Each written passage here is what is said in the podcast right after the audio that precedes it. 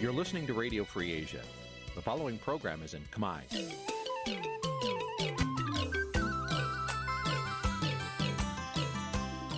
Nǐ chi càm bi tiệp xáy vệt chiu a zì sê ray នេះជាកម្មវិធីផ្សាយរបស់ Vithu Azisaray ជាភាសាខ្មែរ វត្តឈូអាស៊ីសេរីសូមស្វាគមន៍លោកអ្នកនាងទាំងអស់ពីរដ្ឋធានី Washington នៃសហរដ្ឋអាមេរិក បាទប្រធានាទីវ៉ាស៊ីនតោនខ្ញុំបាទទីនសាករិយាសូមជម្រាបសួរលោកនាងកញ្ញាទាំងអស់ជាទីមេត្រីយើខ្ញុំសូមជូនកម្មវិធីផ្សាយសម្រាប់ព្រឹកថ្ងៃអង្គារ400ខែបោះឆ្នាំខាលចត្វាស័កពុទ្ធសករាជ2566ត្រូវនៅថ្ងៃទី10ខែមករាគ្រិស្តសករាជ2023បាទជាដំបូងនេះសូមអញ្ជើញលោកនាងកញ្ញាស្ដាប់ព័ត៌មានប្រចាំថ្ងៃដែលមានមេត្តាដូចតទៅ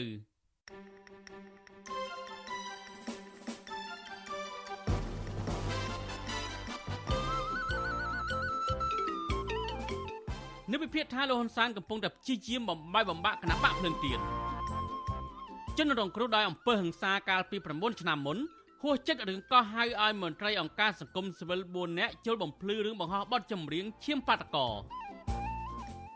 អញ្ញាធិខេត្តបន្ទាយមានជ័យនៅមិនទាន់កំណត់អត្តសញ្ញាណសពអ្នកស្លាប់ទាំង6នាក់នៅឡើយប្រជាកសិករនៅខេត្តកណ្ដាលត្អូញត្អែពីតម្លៃបន្លែធ្លាក់ចុះ ហើយអំពាវនាវដល់រដ្ឋាភិបាលឲ្យទប់ស្កាត់ការនាំចូលបន្លែពីប្រទេសវៀតណាមរួមនឹងព័ត៌មានផ្សេងៗមួយចំនួនទៀត។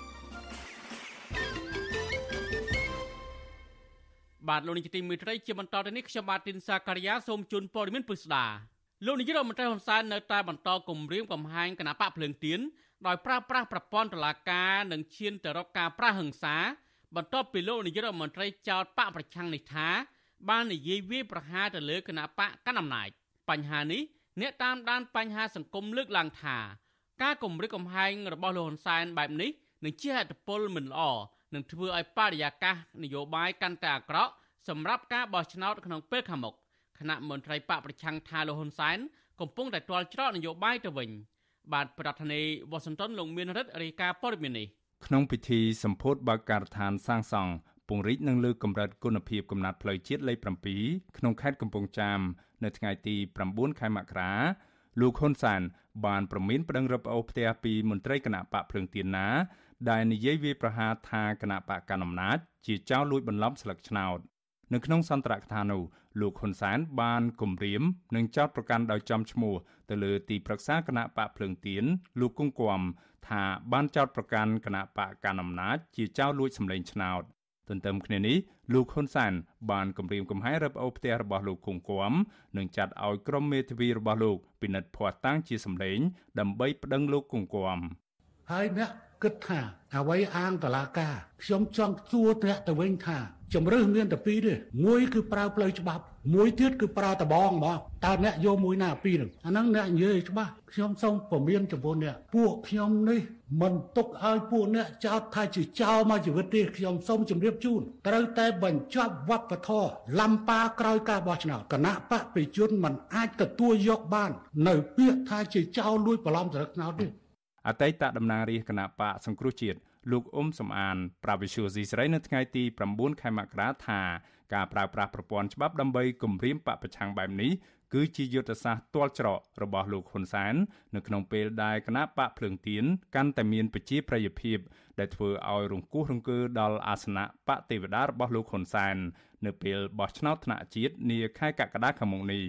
លោកបន្តថាយុទ្ធសាស្ត្រប្រើច្បាប់ដើម្បីរឹបអូសអចលនទ្រព្យបពប្រឆាំងរបស់លោកហ៊ុនសែននេះនឹងធ្វើឲ្យបកកណ្ដាលអំណាចខាត់បងទាំងកេរ្តិ៍ឈ្មោះនិងការគ្រប់គ្រងដោយសារសហគមន៍អន្តរជាតិនិងប្រជាពលរដ្ឋមើលឃើញកាន់តែច្បាស់អំពីភាពកំសាករបស់គណៈបកកណ្ដាលអំណាចដែលយកប្រព័ន្ធច្បាប់មកគៀបសង្កត់និងគំរាមដៃគូប្រកួតប្រជែង ច្បាប់មិនបានអនុវត្តស្មើភាពគ្នាទេទោះបីលោកហ៊ុនសែនក៏ធ្វើខុសច្បាប់ក៏ដោយលោកហ៊ុនសែនឃោសនាមុនការបោះឆ្នោតក៏ដោយក៏គណៈកម្មការរៀបចំការបោះឆ្នោតហ៊ានចាត់វិធានការដែរគាត់ឈានទៅដល់មេដឹកនាំផ្ដាច់ការដែលយកច្បាប់ទ្របអង្គុយយកប្រព័ន្ធតុលាការជាឧបករណ៍ដើម្បីធ្វើទុកបុកម្នេញទៅលើបពប្រឆាំងណាព្រោះគាត់ខ្លាចចាញ់ការបោះឆ្នោតតាមរយៈការបោះឆ្នោតដោយសេរីនិងយុត្តិធម៌ហើយគាត់ខ្លាចគាត់មិនបានផ្ទេរអំណាចដោយជោគជ័យពីគាត់ទៅដល់កូនរបស់គាត់គឺលោកហ៊ុនម៉ាណែតណា ក្រុមអ្នកខ្លាំមើលសង្គមនិងនយោបាយកម្ពុជា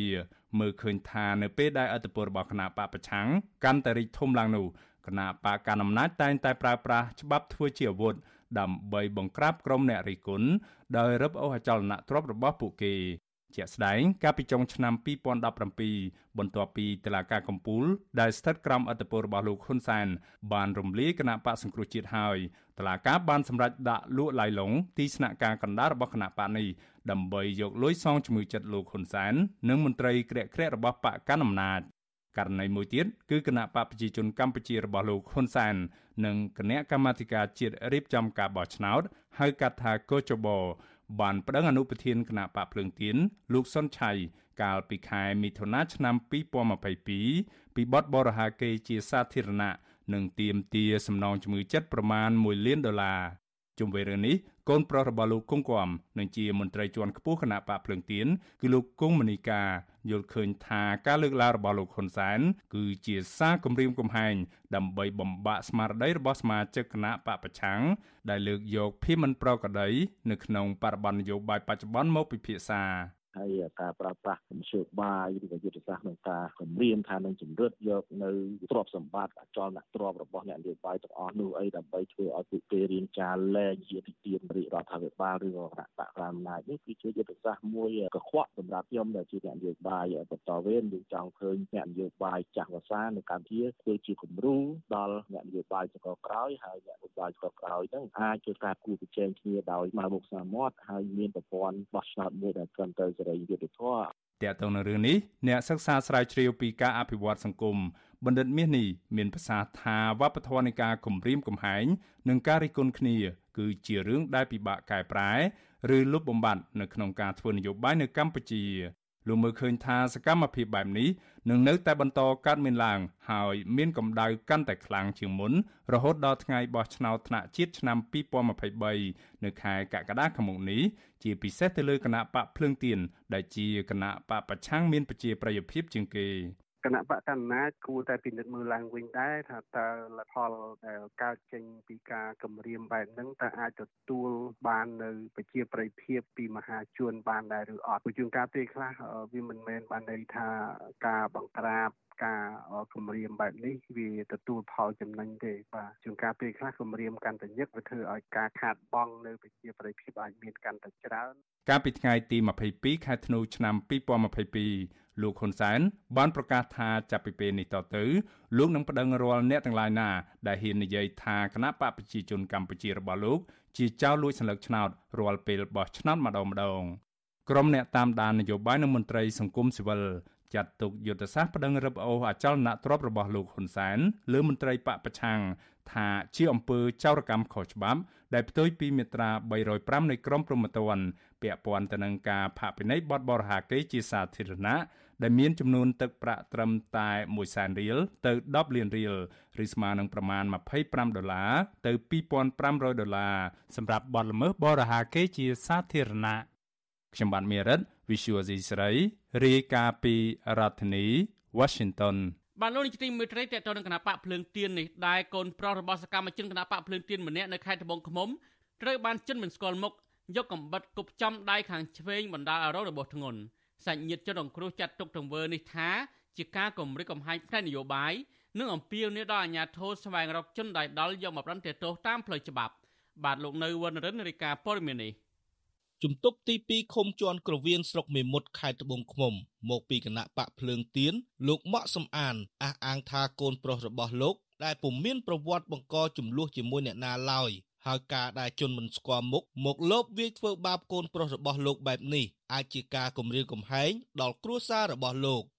លោកម៉ាក់សំអានប្រាប់វិទ្យុអាស៊ីសេរីថាលោកបានដាក់ពាក្យបណ្ដឹងទៅអធិការដ្ឋានស្រុកមេមត់រួចហើយ កាលពីរសៀលថ្ងៃទី9ខែមករា ដើម្បីឲ្យតាមស្វែងរកជនលែងដល់ដែលប្រើកំបិតគប់កូនប្រុសរបស់លោក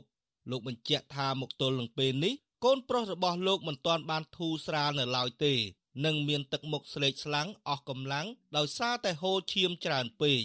ខ្ញុំមិនទាន់សន្និដ្ឋានថាពីយ៉ាងណាយ៉ាងណាទេគាត់តែខ្ញុំទុកផ្ដល់ឱកាសឲ្យសមត្ថកិច្ចគាត់ធ្វើការតាមជំនាញរបស់គាត់សិនបើក្បត់នឹងគប់ទៅជាប់នឹងដៃនឹងទៅដល់មន្ទីរពេទ្យស្រុកនិមិត្តបានគេដកចេញដកឲ្យបានពេទ្យគេរុំដៃរុំអីឲ្យបញ្ជូនទៅខេត្តទៅមន្ទីរពេទ្យបងឯកខេត្តត្បូងឃ្មុំខ្ញុំព្រួយអារម្មណ៍ព្រួយគិតខ្ញុំអាចថាជាផ្នែកមួយបញ្ហាបំផុតបំភ័យឬក៏គម្រាមកំហែងទៅដល់រូបខ្ញុំក៏ដូចជាក្រុមគ្រួសារខ្ញុំដែរបាទ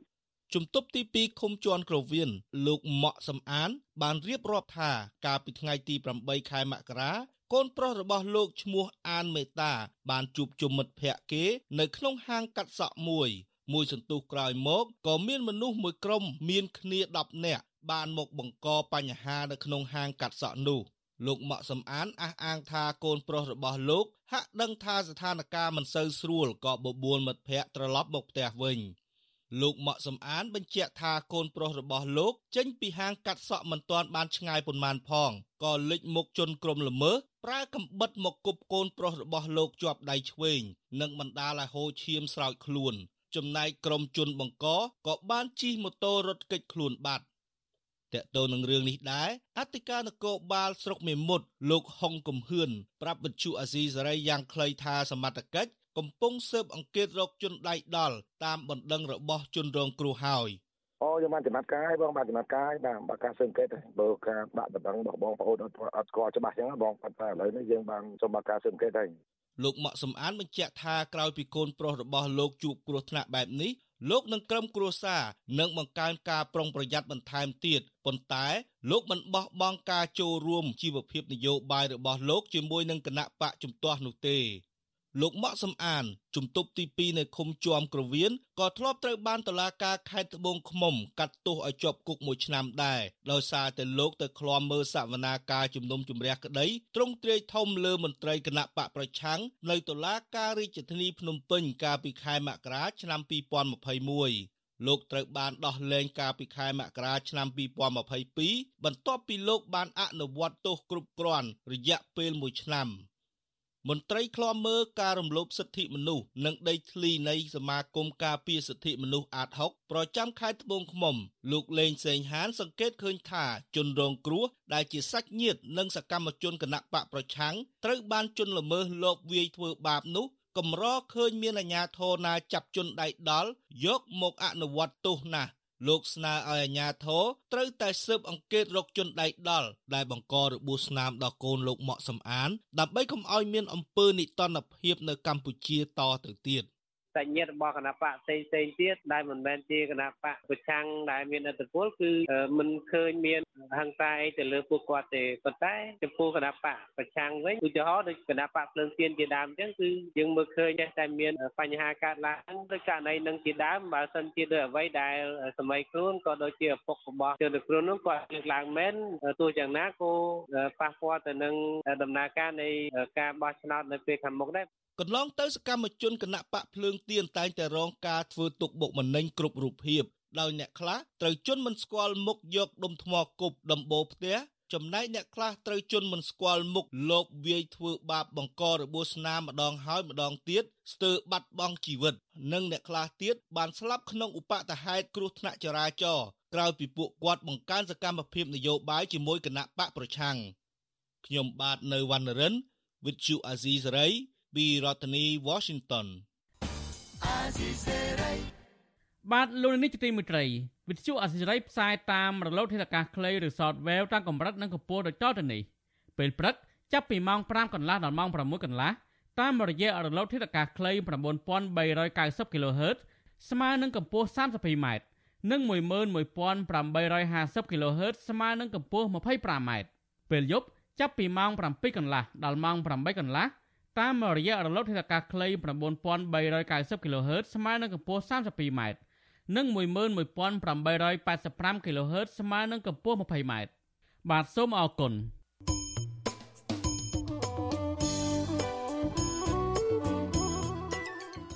បាទលោកយុតិមេត្រីតកតងនឹងរឿងអយុធធរកាលពី9ឆ្នាំឯនេះវិញ ស្នងការនគរបាលរាជធានីភ្នំពេញមិនបានសើរឿងស៊ើបអង្កេតករណីអំពើហិង្សាកាលពី9ឆ្នាំមុននោះទេប៉ុន្តែឥឡូវនេះស្នងការនគរបាលរាជធានីភ្នំពេញបែរជាកោះហៅមន្ត្រីអង្គការសង្គមស៊ីវិលស្របចំនួន4នាក់ឲ្យចូលទៅបំភ្លឺនៅការិយាល័យប្រឆាំងបទល្មើសបច្ចេកវិទ្យានៃស្នងការដ្ឋាននគរបាលជាតិទៅវិញតាក់ទងនឹងការផ្សព្វផ្សាយបទចម្រៀងឈាមបាតកោក្រុមមន្ត្រីអង្គការសង្គមស៊ីវិលខកចិត្តចំពោះការកោះហៅឲ្យចូលបំភ្លឺនៅស្នងការរាជធានីភ្នំពេញនេះ ពីព្រោះពួកគេអះអាងថាគ្មានផ្នែកណាមួយនៃអត្ថន័យនៃបទចម្រៀងឈាមបាតកោអាចបង្កពីបញ្ហាអសន្តិសុខនិងសន្តិភាពសង្គមនោះឡើយនាយកទទួលបន្ទុកទូតនៃអង្គការលីកាដូលោកអំសំអាតបានចូលទៅបំភ្លឺនៅស្នងការនគរបាលរាជធានីភ្នំពេញនៅថ្ងៃទី9ខែមករានេះតាមការកោះហៅលោកបញ្ជាក់ថាភាគីស្នងការរដ្ឋាភិបាលនគរបាលរាជធានីភ្នំពេញនិងក្រសួងវប្បធម៌វិចិត្រសិល្បៈស្នើសុំឲ្យអង្គការលីកាដូដកវីដេអូចម្រៀងឈាមបាតកោ នៅលើបណ្ដាញអ៊ីនធឺណិតរបស់អង្គការលីកាដូវិញពីព្រោះពួកគេចោទថាបទចម្រៀងនេះមានអត្ថន័យញុះញង់បង្កឲ្យមានអសន្តិសុខនិងសន្តិភាពសង្គមឆ្លើយតបនឹងការស្នើសុំឲ្យលុបវីដេអូបទចម្រៀងដែលបានផ្សព្វផ្សាយនោះលោកអំសំអាតបានឲ្យដឹងថាលោកនឹងពិភាក្សាជាមួយក្រុមការងាររបស់អង្គការលីកាដូបន្ថែមថាតើត្រូវលុបចេញឬមិនលុបទោះជាយ៉ាងណាលោកអះអាងថាបទចម្រៀងដែលនិពន្ធនិងច្រៀងដោយលោកគៀសកុលនេះមានគោលបំណងបង្ហាញការពិត និងមិនគាំទ្រឲ្យមានអំពើហិង្សានោះឡើយយើងគាត់ជម្រាបទៅគាត់អំពីគោលបំណងនៃការបង្ហោះហ្នឹងគឺយើងមាន3ចំណុចចំណុចទី1គឺយើងរំលឹកខួប9ឆ្នាំនៃព្រឹត្តិការណ៍អំពើហិង្សាផ្លូវវែងស្រេងនៅរោងចក្រយ៉ាងជាងចំណុចទី2គោលបំណងរបស់យើងគឺស្នើសុំឲ្យមានការស៊ើបអង្កេតបន្តដើម្បីស្វែងរកយុត្តិធម៌ជូនជនរងគ្រោះនិងសង្គមជាតិ ចំណុចទី3គឺរួមគ្នាធ្វើម៉េចដើម្បីទប់ស្កាត់កុំឲ្យមានអំពើហិង្សានេះកើតថតទៅមុខទៀតលោកអំសំអាតបានចូលទៅបំភ្លឺនៅស្នងការនគរបាលរាជធានីភ្នំពេញនេះនៅបន្ទាប់ពីស្នងការនគរបាលរាជធានីភ្នំពេញកាលពីថ្ងៃទី7មករាបានចេញលិខិតអញ្ជើញមន្ត្រីអង្គការសង្គមស៊ីវិល4នាក់ឲ្យចូលឆ្លើយបំភ្លឺតាក់ទងនឹងការផ្សព្វផ្សាយបទចម្រៀងឈាមបាតកោនៅការិយាល័យប្រឆាំងបទល្មើសបច្ចេកវិទ្យានៃស្នងការដ្ឋាននគរបាលរាជធានីភ្នំពេញ លិខិតអញ្ជើញ4សន្លឹកដាច់ដោយឡែកពីគ្នានេះបានកោះហៅនាយកទទួលបន្ទុកទូទៅនៃអង្គការលីកាដូលោកអំសំអាតឲ្យចូលខ្លួនបំភ្លឺនៅថ្ងៃទី9មករាដោយឡែកប្រធានសមាគមប្រជាធិបតេយ្យឯករាជ្យនៃសេដ្ឋកិច្ចក្រៅប្រព័ន្ធលោកវ៉ាន់ពៅនិងនាយកប្រតិបត្តិអង្គការសង្ត្រលលោកមឿនដុល្លារត្រូវបានស្នងការនគរបាលរាជធានីភ្នំពេញក៏ហៅឲ្យចូលឆ្លើយបំភ្លឺនៅថ្ងៃទី10មករាចំណែកឯប្រធានសមាគមសម្ព័ន្ធសហគមន៍កសិករកម្ពុជាលោកថេងសាវឿន ឲ្យចូលបំភ្លឺនៅថ្ងៃទី11មករាដោយឡែកនៅខាងក្រៅរបងស្នងការនគរបាលរាជធានីភ្នំពេញគឺមានមន្ត្រីអង្គការសហប្រជាជាតិអង្គការសង្គមស៊ីវិលនិងក្រុមអ្នកសារព័ត៌មានជិត20នាក់តាមឃ្លាំមើលការកោះហៅឲ្យមន្ត្រីអង្គការសង្គមស៊ីវិលចូលខ្លួនបំភ្លឺនេះធ្វើឡើងបន្ទាប់ពីរដ្ឋមន្ត្រីក្រសួងបព្វធម៌និងវិចិត្រសិល្បៈនៅជ្រៃភឿងសកលណាកាលពីថ្ងៃទី6មករាបានចេញលិខិតស្នើសុំឲ្យអគ្គស្នងការនគរបាលជាតិលោកនេតសាវឿន ចាត់វិធានការតាមផ្លូវច្បាប់ចំពោះការផ្សព្វផ្សាយបទចម្រៀងដែលមានចំណងជើងថាឈាមបាតកោនៅឆ្លៃចោទប្រកាន់ថាបទចម្រៀងនេះមានខ្លឹមសារញុះញង់អាចបង្កជាអសន្តិសុខនិងសន្តិភាពសង្គមការស្នើសុំនេះធ្វើឡើងបន្ទាប់ពីក្រុមអង្គការសង្គមស៊ីវិលបានផ្សព្វផ្សាយវីដេអូបទចម្រៀងឈាមបាតកោនៅលើបណ្ដាញសង្គមក្នុងឱកាសខួប9ឆ្នាំនៃការបាញ់បង្ក្រាបបង្ហូរឈាមពីសំណាក់រដ្ឋាភិបាលទៅលើក្រុមបាតកោនៅលើផ្លូវវែងស្រេងបទចម្រៀងនេះត្រូវបាននិពន្ធនិងច្រៀងដោយលោកគៀសកុន ដែលធ្លាប់បានជាប់ពន្ធនាគារម្ដងរួចមកហើយកាលពីចុងឆ្នាំ2020ដោយសារតែបានផ្សព្វផ្សាយបទចម្រៀងបែប rap ដែលមានអត្ថន័យបង្ហាញពីបញ្ហាសង្គមក្នុងប្រទេសកម្ពុជាជុំវិញនឹងរឿងនេះប្រធានសមាគមប្រជាធិបតេយ្យឯករាជ្យនៃសេដ្ឋកិច្ចក្រៅប្រព័ន្ធលំអនពៅប្រាប់វិទ្យុអាស៊ីសេរីថា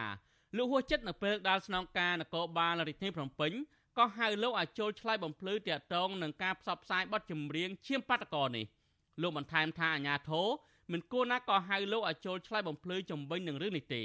ព្រោះការផ្សព្វផ្សាយបទចម្រៀងឈាមបាតកោគ្រាន់តែចង់បង្ហាញការពិតអំពីអំពើហិង្សាដែលកើតឡើងកាលពី9ឆ្នាំមុន និងជំរុញឲ្យភាគីពាក់ព័ន្ធរកយុត្តិធម៌ដល់ជនរងគ្រោះតែប៉ុណ្ណោះមានអារម្មណ៍ថាហួសចិត្តហើយមានអារម្មណ៍ថាដូចសង្វែកក្នុងជីវិតក្នុងនាមជាពលរដ្ឋខ្មែរដែលធ្វើការដើម្បីការពារប្រយោជន៍កម្មករសោះបែជារោគនៅខ្ជុះភ្លៀងអត់មានស្រាកស្រានទាំងខ្ជុះជាងភ្លៀងទៅលើខ្សែជីវិតទាំងទៅលើរូបរាងកាយទាំងទៅលើផ្លូវចិត្តនៃការបំពេញបេសកកម្មការងារក្នុងនាមជាជនរងគ្រោះម្នាក់ដែលទទួលរងនៅអំពើហិង្សា ក្នុងព្រឹត្តិការណ៍បង្ក្រាបដោយហិង្សានៅរោងចក្រយ៉ាជីងក្នុងខែមករាឆ្នាំ2014លោកវ៉ាន់ពៅនិយាយថាអាញាធមមានសមត្ថកិច្ចត្រូវចាត់វិធានការផ្លូវច្បាប់ទៅលើជនដែលដល់ដែលបានប្រព្រឹត្តអំពើហិង្សាលើក្រុមបាតកោឲ្យបានឆាប់ជាជាងព្យាយាមគំរាមកំហែងការផ្សព្វផ្សាយបទចម្រៀងដែលមានអត្ថន័យទាមទារឲ្យមានយុត្តិធម៌ដល់ជនរងគ្រោះនេះវីដេអូបទចម្រៀងឈាមបាតកោបានបង្ហាញរូបភាពសមត្ថកិច្ចបាញ់និងវាយបង្ក្រាបដើម្បីបំបែកវងបាតកោ ដែលតវ៉ាទាមទារដំឡើងប្រាក់ឈ្នួលនៅលើផ្លូវវែងឆ្វេងកាលពីឆ្នាំ2014វីដេអូបទចម្រៀងបែប rap នេះមានអត្ថន័យរំលឹកដល់វីរភាពរបស់សហជីពនិងអ្នកតស៊ូដើម្បីសិទ្ធិការងារនិងទាមទារដំឡើងប្រាក់ឈ្នួលដែលបានយកសាច់ស្រស់ឈាមស្រស់ទៅតទល់ដោយមិនខ្លាចរអាជាមួយដំបងដែកក្របកំភ្លើងរបស់កងកម្លាំងសមត្ថកិច្ចដើម្បីទទួលបានប្រាក់ខែសមរម្យជុំវិញនឹងរឿងនេះនាយិកាមជ្ឈមណ្ឌលសិទ្ធិមនុស្សកម្ពុជានៅស្រីចော့សភាពលើកឡើងថា ការកោះហៅក្រុមមន្ត្រីអង្គការសង្គមស៊ីវិលឲ្យចូលខ្លួនបំភ្លឺនេះគឺជាការគម្រាមកំហែងលើសិទ្ធិសេរីភាពបញ្ចេញមតិបន្ថែមទៀតគណៈសេរីភាពបញ្ចេញមតិនៅប្រទេសកម្ពុជាកំពុងតែដើរថយក្រោយពីមួយឆ្នាំទៅមួយឆ្នាំនៅស្រីមានប្រសាសន៍ថាបទចម្រៀងឈាមបាតកោដែលក្រុមអង្គការសង្គមស៊ីវិលផ្សព្វផ្សាយគ្រាន់តែជាការបង្ហាញការពិតពីសង្គមនិងទាមទារឲ្យមានយុត្តិធម៌ដល់ជនរងគ្រោះតែប៉ុណ្ណោះ នៅពេលដែលមានការរិះគន់ហ្នឹងគេមិនលើកទឹកចិត្តឲ្យថ្នាក់ដឹកនាំឬក៏បុគ្គលសាធារណៈហ្នឹងប្រើប្រាស់នៅនយោបាយរដ្ឋឬក៏ធនធានទាំងឡាយហ្នឹងដើម្បីទៅដាក់គំនាបឬក៏ប្តឹងផ្ដាល់ទៅដល់ពលរដ្ឋចឹងឯងគឺគេឲ្យមានការអនុគ្រោះឲ្យបានច្រើន កាលពីថ្ងៃទី2និងទី3មករាឆ្នាំ2014សមត្ថកិច្ចចម្រុះរបស់រដ្ឋាភិបាលលហ៊ុនសែនបានបើកយុទ្ធនាការបោះសម្អាតបាតកម្មទាមទារដំឡើងប្រាក់ឈ្នួលចំនួន160ដុល្លាររបស់កម្មករ នៅក្បែររោងចក្រយ៉ាជីនក្នុងខណ្ឌដំបូលនិងលើកំណាត់ផ្លូវវែងឆ្វេងជាក្រុងភ្នំពេញកងកម្លាំង PM ប៉ូលីសនិងជាពិសេសទាហាននៃកងឆ័ត្រយង911គ្រប់គ្រងដោយលោកចាប់ភក្តីដែលជាមនុស្សចំណិតរបស់លោកហ៊ុនសែនបានប្រើប្រាស់ខែលដំបង បំពង់ទីបនិងកំភ្លើងបាញ់ប្រហារនិងវាយដំកម្មករបណ្ដាលឲ្យមនុស្ស5នាក់ស្លាប់និងរងរបួសជិត40នាក់ក្រៅពីនេះសមត្ថកិច្ចបានចាប់ខ្លួនមនុស្សមួយចំនួន ចង់ស្លាប់សេកហើយបញ្ជូនទៅឃុំខ្លួននៅពន្ធនាគារត្រពាំង plong ក្នុងខេត្តត្បូងឃ្មុំក្នុងនោះមានលោកបូនពៅនិងលោកថេងសាវឿនជាដើមលើសពីនេះទៀតក្មេងប្រុសម្នាក់អាយុ15ឆ្នាំឈ្មោះខឹមសុផាត បានបាត់ខ្លួនរហូតមកដល់សប្តាហ៍ថ្ងៃនេះតែទៅនឹងបញ្ហានេះប្រធានសមាគមប្រជាធិបតេយ្យឯកក្រិចនៃសេដ្ឋកិច្ចក្រៅប្រព័ន្ធលោកបនពៅនិងនាយកប្រតិបត្តិអង្គការសង្គ្រោះលោកមឿនដុល្លារប្រាប់វិទ្យុអសិរ័យថាពួកគាត់នឹងចូលខ្លួនបំភ្លឺតាមការកោះហៅនៅថ្ងៃទី10មករា ដោយឡែកប្រធានសមាគមសម្ព័ន្ធសហគមន៍កសិករកម្ពុជាលោកថេងសាវឿនក៏ឲ្យដឹងដែរថាលោកនឹងចូលខ្លួនទៅបំភ្លឺនៅថ្ងៃទី17មករាវិញហើយលោកបានដាក់ពាក្យសុំពន្យាពេលការចូលខ្លួនឆ្លើយបំភ្លឺនេះរួចហើយអង្គការសង្គមស៊ីវិលជាតិអន្តរជាតិតែងតែលើកឡើងថារដ្ឋាភិបាលលហ៊ុនសែនតែងតែធ្វើទុកបុកម្នេញទៅលើអ្នកដែលមានភាពក្លាហានបញ្ចេញមតិបង្ហាញពីការពិតពីបញ្ហាសង្គមពួកគេលើកឡើងថារដ្ឋាភិបាលគួរតែលើកកម្ពស់សិទ្ធិសេរីភាពបញ្ចេញមតិ និងដោះស្រាយបញ្ហានានាដែលប្រជាពលរដ្ឋបានលើកឡើង ជាជាងការគំរាមកំហែងទៅលើអ្នកដែលក្លាហានហ៊ានបញ្ចេញមតិហើយមិនដោះស្រាយបញ្ហាអយុត្តិធម៌សង្គមបែបនេះទៅវិញបាទលោកនាងកញ្ញាប្រិមម្នាក់ស្ដាប់ជាទីមេត្រី សាធារណរដ្ឋប្រជាមានិតចិន បានប្រជែងបង្កើនឥទ្ធិពលមកលើកម្ពុជាលើគ្រប់វិស័យគួរឲ្យកត់សម្គាល់ក្នុងឆ្នាំ2022កន្លងទៅ ស្របពេលដែលកម្ពុជាធ្វើជាប្រធានបដូវវេនអាស៊ាន ជាក់ស្ដែងក្រៅពីវិស័យនយោបាយនិងសេដ្ឋកិច្ចប្រទេសនេះបានពង្រីកឥទ្ធិពលមកលើវិស័យយោធាឬការពារជាតិនិងវិស័យអប់រំតាមរយៈសកម្មភាពលេចធ្លោមួយចំនួន ក្នុងនោះមានដូចជាការចេញមុខជួយកម្ពុជា ធ្វើទំនើបកម្មកំពង់ផែកងទ័ពជើងទឹករៀមដ៏ចម្រូងចម្រាសនិងការតម្រូវឲ្យក្រសួងអប់រំដាក់បញ្ចូលកម្មវិធីរៀនភាសាចិន សម្រាប់សិស្សចាប់ពីថ្នាក់ទី7ដល់ថ្នាក់ទី12ជាដើមតើចិនបានសម្រេចមហិច្ឆតាពង្រីកឥទ្ធិពលរបស់ខ្លួននៅកម្ពុជាយ៉ាងណាខ្លះនៅក្នុងឆ្នាំ2022កន្លងទៅនិងថាតើសាធារណរដ្ឋប្រជាមានិតចិន មានមហិច្ឆតាយ៉ាងណាខ្លះទៀតមកលើកម្ពុជា ក្នុងឆ្នាំ2023នេះ បាទនេះគឺជាប្រធានបទដែលយើងនឹងលើកយកមកជជែកពិភាក្សានៅក្នុងនេតិវេទិកាអ្នកស្ដាប់វិទ្យុអេស៊ីសេរីនៅយប់ថ្ងៃអង្គារទី10ខែមករាប៉ះសិនបើលោកអ្នកនាងចាប់អារម្មណ៍ចង់ចូលរួមដាក់ជាសំណួរឬបញ្ចេញមតិយោបល់សូមអញ្ជើញលោកអ្នកនាងដាក់ឈ្មោះនិងលេខទូរស័ព្ទរបស់លោកអ្នកនាងនៅក្នុងប្រអប់ខ្ទង់ comment នៃការផ្សាយផ្ទាល់របស់ Visual C សេរី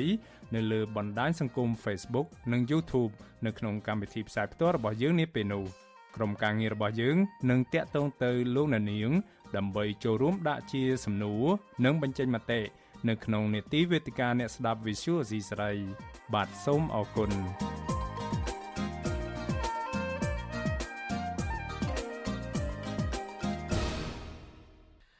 បានលោកជាទីមេត្រីតេតនៅវិស័យវិជ្ជាភ័ណ្ឌកាត់ដេរនិងស្បែកជើងដែលកំពុងតែធ្លាក់ចុះនៃការបញ្ជាទិញអានេះវិញ រដ្ឋាភិបាលបានសម្រេចបន្តព្យួរទុកការបង់ប្រាក់រំដោះពន្ធលើប្រាក់ចំណូលរបស់សហគ្រាសក្នុងវិស័យវិជ្ជាភ័ណ្ឌកាត់ដេររហូតដល់ដំណាច់ឆ្នាំ2025ដើម្បីនិរន្តរភាពនិងគាំពៀដល់កម្មករកម្មការិនីព្រមទាំងអ្នកទទួលបានផលប្រយោជន៍ក្នុងវិស័យនេះក្រសួងសេដ្ឋកិច្ចនិងហិរញ្ញវត្ថុបានចេញប្រកាសកាលពីថ្ងៃទី6មករាដោយបានបន្តការលើកលែងពន្ធលើប្រាក់ចំណូលទៅដល់សហគ្រាសដែលមានលក្ខណៈសម្បត្តិរួមមាន សហគ្រាសវិជ្ជាភ័ណ្ឌសហគ្រាសផលិតស្បែកជើងសហគ្រាសផលិតកាបូបនិងមួកសម្រាប់នាំចេញសារព័ត៌មានក្នុងស្រុកបានស្រង់សម្ដីមន្ត្រីនៅសមាគមវិជ្ជាភ័ណ្ឌសម្លៀកបំពាក់ស្បែកជើងនិងផលិតផលធ្វើដំណើរនៅកម្ពុជាដែលថាការប្រកាសពន្យាការលើកលែងពន្ធលើប្រាក់ចំណូលនេះគឺតបតាមការស្នើរបស់សមាគមដែលបានបង្ហាញពីបញ្ហាប្រឈមនឹងការធ្លាក់ការបញ្ជាទិញនៅក្នុងវិស័យនេះក្នុងរយៈពេល9ខែឆ្នាំ2022 ការនាំចេញសម្លៀកបំពាក់វិជ្ជាភ័ណ្ឌនិងស្បែកជើង មានចំនួនជាង8000លានដុល្លារកើនចំនួនជាង23%បើធៀបរយៈពេលដូចគ្នាឆ្នាំ2021ទោះជាយ៉ាងណាភាគីពាក់ព័ន្ធនៅតែបារម្ភថាទំហំនៃការនាំចេញនេះនៅមិនទាន់អាចឲ្យវិស័យនេះមានស្ថិរភាពដោយស្ថានភាពនៅមុនពេលមានវិបត្តិជំងឺ Covid-19 នៅឡើយទេ។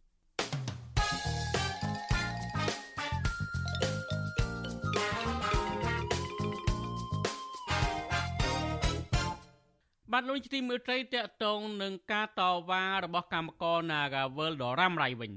តំណាងកម្មករ Nagawal ចំនួន9នាក់រួមមានលោកស្រីហៃសុភីបអ្នកស្រីឃ្លាំងសុបិននិងមនុស្សមួយចំនួនទៀតបានដាក់ពាក្យស្នើទៅតុលាការរាជធានីភ្នំពេញឲ្យពន្យល់អំពីលក្ខខណ្ឌស្ថិតនៅក្រោមការត្រួតពិនិត្យតាមផ្លូវច្បាប់របស់តុលាការនៅថ្ងៃទី9មករាពួកគេអះអាងថាមូលហេតុដែលដាក់លិខិតស្នើសុំនេះដោយសារពួកគាត់បារម្ភពីសុវត្ថិភាពផ្ទាល់ខ្លួន ដោយខ្លាចតឡាការចាប់ដាក់ពន្ធនាគារដោយកញ្ញាឈឹមស៊ីធបន្តទៀតជាមួយគ្នានេះ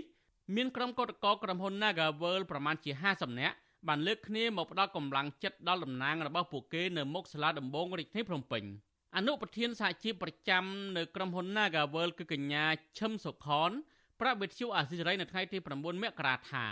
មូលហេតុដែលពួកគេដាក់លិខិតស្នើទៅតុលាការនេះដោយសារពួកគាត់កន្លងមកមិនបានទទួលដីកា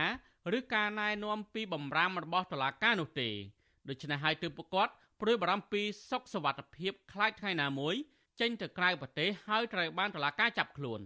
កញ្ញាបន្តថាចាប់តាំងពីពួកគាត់ទទួលបានដំណឹងពីដីកាសម្រេចបញ្ជូនសំណុំរឿងទៅជំនុំជម្រះពួកគាត់មិនបានទទួលព័ត៌មានលម្អិតពីបំរាមរបស់តុលាការនោះឡើយសម្រាប់បំរាមដែលចេញពីតុលាការហ្នឹងវាមានសារៈសំខាន់សម្រាប់ពួកខ្ញុំទាំងទាំងអស់គ្នាណាព្រោះអីបំរាមហ្នឹងបញ្ជាក់ប្រាប់ ពីការហាមឃាត់របស់តុលាការដើម្បីឲ្យពួកខ្ញុំនឹងជាអ្នកដែលត្រូវចោទនឹងឲ្យដឹងថាខ្លួនឯងស្ថិតក្នុងបំរាមអីខ្លះកញ្ញាឈឹមសុខនស្នើឲ្យតុលាការនិងក្រសួងពាក់ព័ន្ធបង្ហាញពីបំរាមដែលហាមឃាត់ពួកគាត់ដើម្បីឲ្យពួកគាត់បានអនុវត្តស្របតាមនីតិវិធីរបស់តុលាការហើយកញ្ញាសង្ឃឹមថាតុលាការនឹងឆ្លើយតបការស្នើសុំនេះ កញ្ញាឈឹមស៊ីថត្រូវបានសមត្ថកិច្ចចាប់ឃុំខ្លួននិងបញ្ជូនទៅពន្ធនាគារព្រៃសរភ្លាមភ្លាមកាលពីថ្ងៃទី26វិច្ឆិកាឆ្នាំ2022ក្រោយពីកញ្ញាបានវិលត្រឡប់ពីចូលរួមកិច្ចប្រជុំនៅប្រទេសអូស្ត្រាលីដោយឡែកកោតកោប្រមាណជា10នាក់ត្រូវបានក្រុមហ៊ុនប្តឹងពីបទរំលោភលើលំនៅឋានធ្វើឲ្យខូចខាតដោយចេតនាមានស្ថានភាពទោសនៅពេលពួកគាត់ចេញតវ៉ាដើម្បីទាមទាររដ្ឋមន្ត្រីពីថកែ Nagavel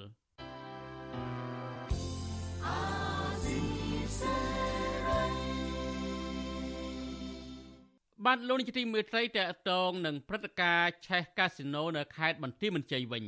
អាជ្ញាធរខេត្តបន្ទាយមានជ័យមិនទាន់កំណត់អត្តសញ្ញាណសពចុះរងគ្រោះស្លាប់ក្នុងករណីឆេះកាស៊ីណូ Grand Diamond City នៅក្រុងប៉ោយប៉ែតដែលបានសម្លាប់មនុស្សជិត30នាក់នៅឡើយទេ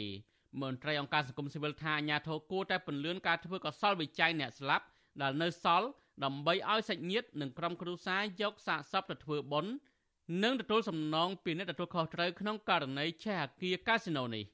បាទអ្នកស្រីស្ងួនអមរារីកាព័រមាននេះអាញាធរកម្ពុជានិងអាញាធរថៃ នៅមិនទាន់បង្ហាញព័ត៌មានជាក់លាក់ណាមួយពាក់ព័ន្ធសាកសពឆេះខ្លោចទាំង6នាក់ដែលគ្មានអត្តសញ្ញាណច្បាស់លាស់នោះទេអ្នកនាំពាក្យរដ្ឋបាលខេត្តបន្ទាយមានជ័យលោកសេកសុខុមមករាប្រាប់វិទ្យុអាស៊ីសេរីថ្ងៃទី9មករាថាអ្នករងរបួសដោយសារអគិភ័យបានព្យាបាលនិងធ្វើដំណើរទៅផ្ទះអស់ហើយលោកថាអាញាធរកម្ពុជា និងអាញាធរថៃគ្មានលាក់បាំងព័ត៌មានដោយការចោទប្រកាន់កន្លងមកនោះឡើយលោកបន្តថាសាកសពជនរងគ្រោះទាំង6នាក់កំពុងដាក់ក្នុងទូរក្សាប៉ុន្តែមិនទាន់មានកំណត់អត្តសញ្ញាណច្បាស់លាស់នោះទេព្រោះកំពុងបន្តនីតិវិធីស្រាវជ្រាវ ហើយដល់ទីរដ្ឋនៃគុណគីមគាត់និយាយជាជាផ្លូវការអ្នកសារព័ត៌មានយើងទាំងអស់ដែលថ្ងៃបិទបញ្ចប់ការរករោគហ្នឹងគាត់ប្រកាសឲ្យគឺសាកសមរោគឃើញតែ26នាក់ទេក្នុងនោះ6នាក់អត់ស្គាល់អត្តសញ្ញាណទេប៉ុន្តែអាជ្ញាធរមិនទាន់ប្រកាសថាអ្នកស្លាប់26នាក់ហ្នឹងមានជនជាតិខ្មែរថាអត់មានអ្វីដែលយើងដឹងដឹងពីការប្រកាសព័ត៌មានរបស់អាជ្ញាធរកម្ពុជាបើថៃជាផ្សាយរឿងរបស់ថៃយ៉ាងតាមសន្និដ្ឋានបើសិនជាមានខ្មែរមែនថាជានៅក្នុងអា6នាក់ហ្នឹងឯងបើសិនមានខ្មែរដែលស្លាប់បាត់ខ្លួនមែនខាងខ្មែរយើងប្រកាសដូចយ៉ាងដែរថា6នាក់យើងអត់ដឹងអត្តសញ្ញាណហ្នឹងយើងកំពុងដាក់ក្នុងទូត្រជាក់នៅក្នុងប៉ែប៉ែហ្នឹងទោះមានការលើកឡើងរបស់អ្នកនាំពាក្យសាលាខេត្តបែបនេះក្តីប៉ុន្តែសាច់ញាតិអ្នកបាត់ខ្លួននៅតែទទូចដល់អាជ្ញាធរពន្លឿនការស្វែងរកនិងកំណត់អត្តសញ្ញាណសាកសពពលរដ្ឋបាត់បង់សមាជិកគ្រួសារលោកខឹមវងថ្លែងថាតាំងពីមានអគីភ័យឆេះកាស៊ីណូនៅក្រុងប៉ោយប៉ែតមកអាជ្ញាធរមិនទាន់បានតាក់ទងមកលោកដើម្បីសាកសួរព័ត៌មានពីសមាជិកគ្រួសារដែលបាត់បង់នោះឡើយ លោកថានៅពេលដែលឡានពេទ្យថៃដឹកសាកសពខ្លោចមកដាក់នៅប៉ោយប៉ែតលោកធ្លាប់សាកសួរគ្រូពេទ្យដើម្បីសុំឲ្យពិនិត្យ DNA រោគប្រពន្ធរបស់លោកដែរប៉ុន្តែពេទ្យថាត្រូវបង់ប្រាក់ជាង500ដុល្លារប៉ុន្តែលោកគ្មានលទ្ធភាពនោះទេ